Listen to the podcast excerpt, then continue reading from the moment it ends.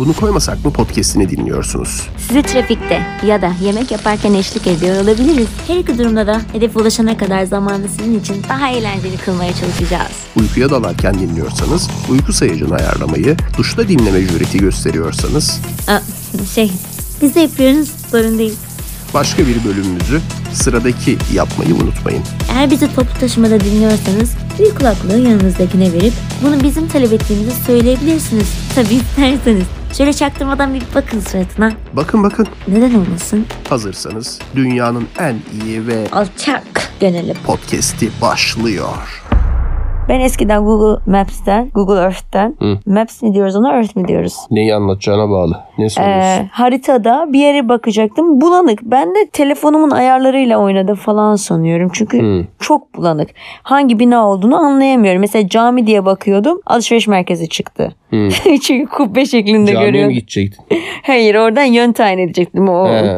caminin orada bir tane üst geçit vardı. O hangi üst geçit diye. Sonra bir baktım ki bambaşka bir şeymiş. Alışveriş merkezinin en üst katıymış. Sonra aklıma geldi biz eskiden evimizi herkes evini bulur diye Google Earth'ten. Herkes evini buluyordu haritadan.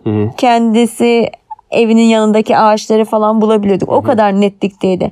Ben de e, internetle ilgili bir şey sandım bunu. Hı, yok, Sonra- bu bayağıdır böyle birkaç yıldır bu şekilde.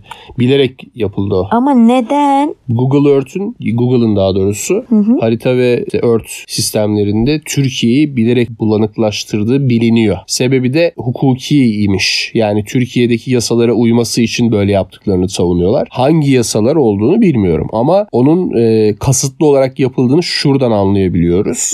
Biz bir VPN açarak e, yurt dışından Türkiye'deki Google Maps uydu görüntüsünü açtığımızda uygulamadan değil de web sitesinden açtığımızda Tamam. net bir şekilde görebiliyoruz. Türkiye'deki bütün işte mahalleleri, binaları, neredeyse araçları bile görebiliyoruz. Yani araçların detaylarını bile görebiliyoruz. O kadar Ağaçları. yakın. Tıpkı Amerika'da olduğu gibi. O kadar net değil. Birkaç sene önce bunu çünkü araştırmıştım ben. Çok benim de rahatsız olduğum bir konuydu bu. Bununla ilgili birkaç yerde de konuşuldu. Bir Ekşi Sözlük'te başlığı var. Twitter'da falan döndü. Birkaç forum sitesinde falan bu konuşuldu. Bilinen bir şey. Yani bu sadece senin başına gelen değil. Ama çözümünü çoğu kişi bilmiyor. VPN açarak geziyorsun. Gayet net bir şekilde her yeri görebiliyorsun. Ama bundaki şey ne olabilir acaba? Anlamsızlıklardan biri daha işte ülkemizde biliyorsun bazı şeylerde neden aramıyoruz.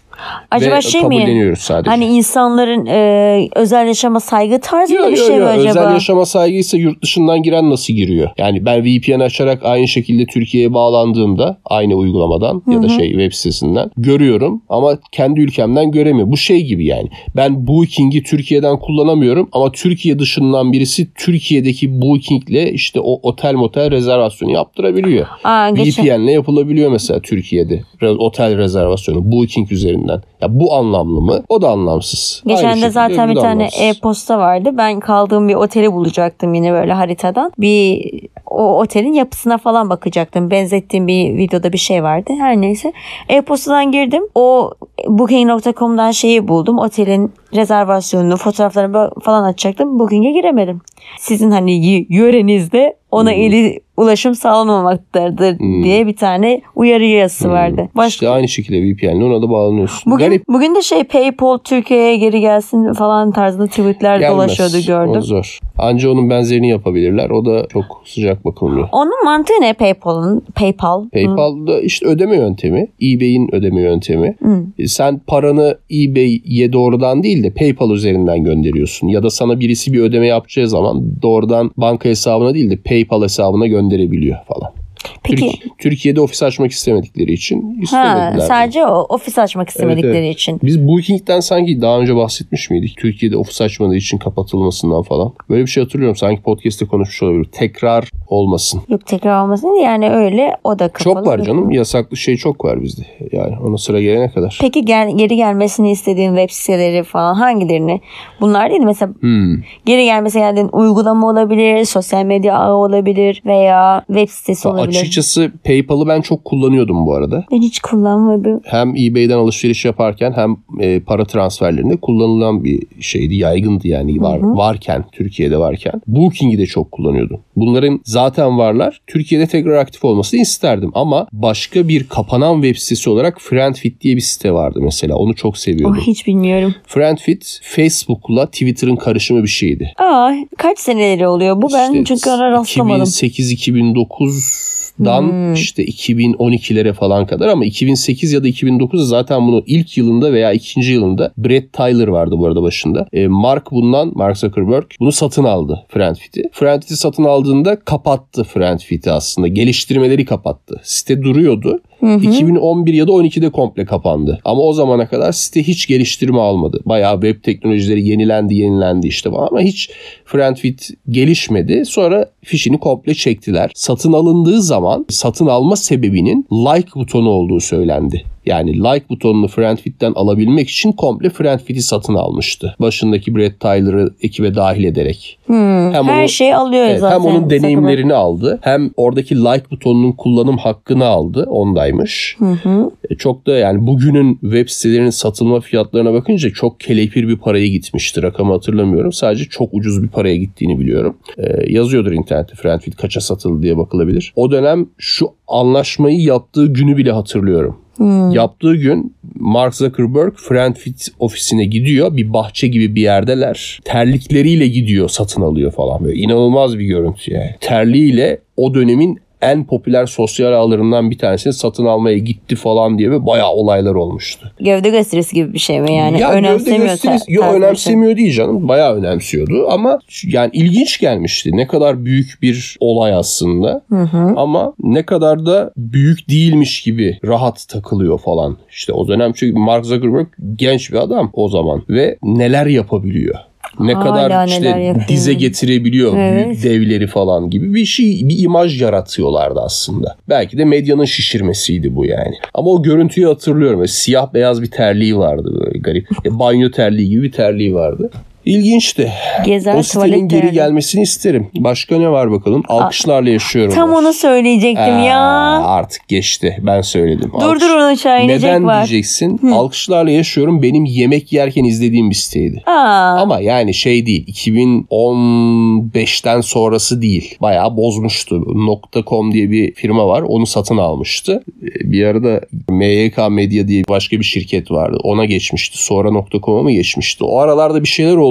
Yayın politikası çok değişti. Ya tık almak için kötü kötü içerikleri onay verir hale gelmişti. O nedenle epey kalite düşmüştü ama öncesinde gerçekten çok nostaljik içerikler ben işte çok beğeniyordum. viral içerikler benim bizzat kendim orada viral haline getirdiğim içerikler vardı. Mesela ilk defa benim webde bir yerlerde dehlizlerde bulup oraya yüklediğim ve Türkiye'de viral olan içerikler vardı. O yüzden çok severdim o Ben de siteyi. çok severdim. Yeşilçam'dan şeyler çok oluyordu. Çok hoşuma gidiyordu onlarda. Hmm. Başka Bu- var mı senin? Seninkini Ben- biraz mes- çalmış gibi oldum. Evet çaldın. Hı, geri ver. Şey Messenger'ı ben çok seviyordum. Çok kullanıyordum. Aa, o Ve nasıl sitesi git- sayılmaz ama gene Ama de nasıl güzel gitti evet. bilmiyorum. En güzel zamanlarında nasıl onu aldılar? Evet. Te- Onu almadılar canım. ya aldılar dedim yani kapattılar. hani Kapat- elimizden evet. aldılar Aslında anlamında. onun bir- Dinlediğin şey belli oluyordu. Şu MSN şunu. Messenger'dan Live Messenger diye bir şeye dönüşmüştü. O dönüşme olmadan önce tıpkı ne gibiydi biliyor musun? Yemek sepetinin bu gömülen tasarım değişikliği gibi düşün. Hmm. Bayağı gömüyorlar yani. Kullanıcı deneyimi çok değişti yemek sepetinin ve kullanan çoğu kişi yemek sepetini bırakıp getire geçmeyi falan düşünüyor şu anda. Yani kullanıcı deneyimi çok değişti diyorum. İyiye kötüye gitti demiyorum. Bu kullanıcının takdiri. Onun gibi bir değişiklik yaparak MSN'i Live Messenger diye bir şeye dönüştürdüler. Skype falan içine koydular. Böyle enteresan bir şey oldu. Çok karmaşık bir şeye dönüştürdüler.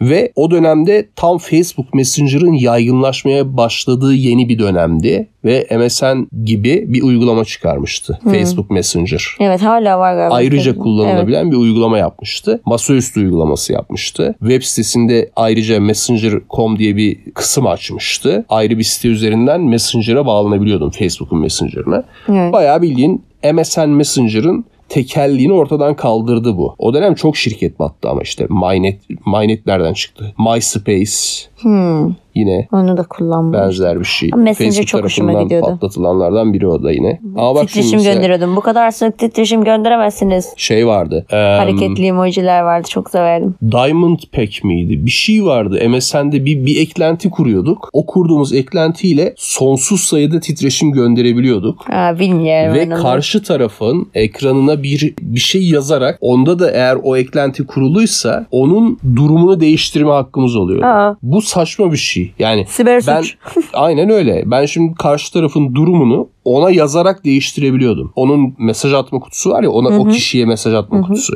Oraya işte bir şey bir işaretler koyuyorduk. O işaretlerin arasına yazdığım şey o kişinin durumu oluyordu. İnanılmaz bir şey yani. Buna niye izin verir bir uygulama? Ama bir MSN'in şeyler kendi bir eklenti değil bu arada. O ya, o işte. eklenti işte kendi içinde değiştirme hakkı vardı. Sen o eklentiyi kurarken MSN'e işte şey diyordu. İşte MSN uygulamasının durumunu değiştirmek istiyor bu uygulama. Yine de kurmak istiyor musun? Atıyorum mesela bu tarz bir şey diyordu. Sen kurmaya izin verirsen karşı tarafın senin durumunu değiştirmesine de müsaade ediyordun. Bunu ayarlardan değiştirebiliyordun ama sonra. Hmm. Kapatabiliyordun. Saçma bir durum. Deneysel bir şey denemişler işte yani yapmışlar. Öyle şeyler vardı. Hmm, Çalan müzik Onu çok orada seviyordum. çalıyor, orada görünüyordu herkes. Winamp zamanları. Millet birbirine gönderme yapıyordu. Bu arada Winamp'ın dönmesini isterdim. Gerçekten Aha, ben bu- de bunu çaldım. Evet. Lama diye bir şey vardı onun karakteri. Hmm. Lama.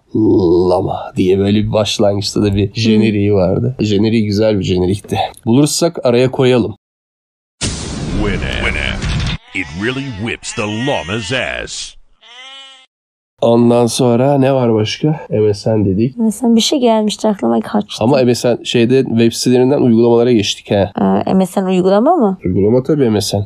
Ne ya web sitesi mi? Bilmiyorum. MSN uygulama bilgisayarı. LimeWire ne sayılır? Oradan şarkı indiriyordum. LimeWire, LimeWire ne biliyor musun? Ne? Bütün dünyaya ilk çıkan virüsleri denettikleri yerdi orası. Ana bana o zaman bulaşmış Evet mıydı o zaman tabii canım millet bu arada seni ihbar edebilirler ha buradan korsan müzik indirdiğini söylüyorsun.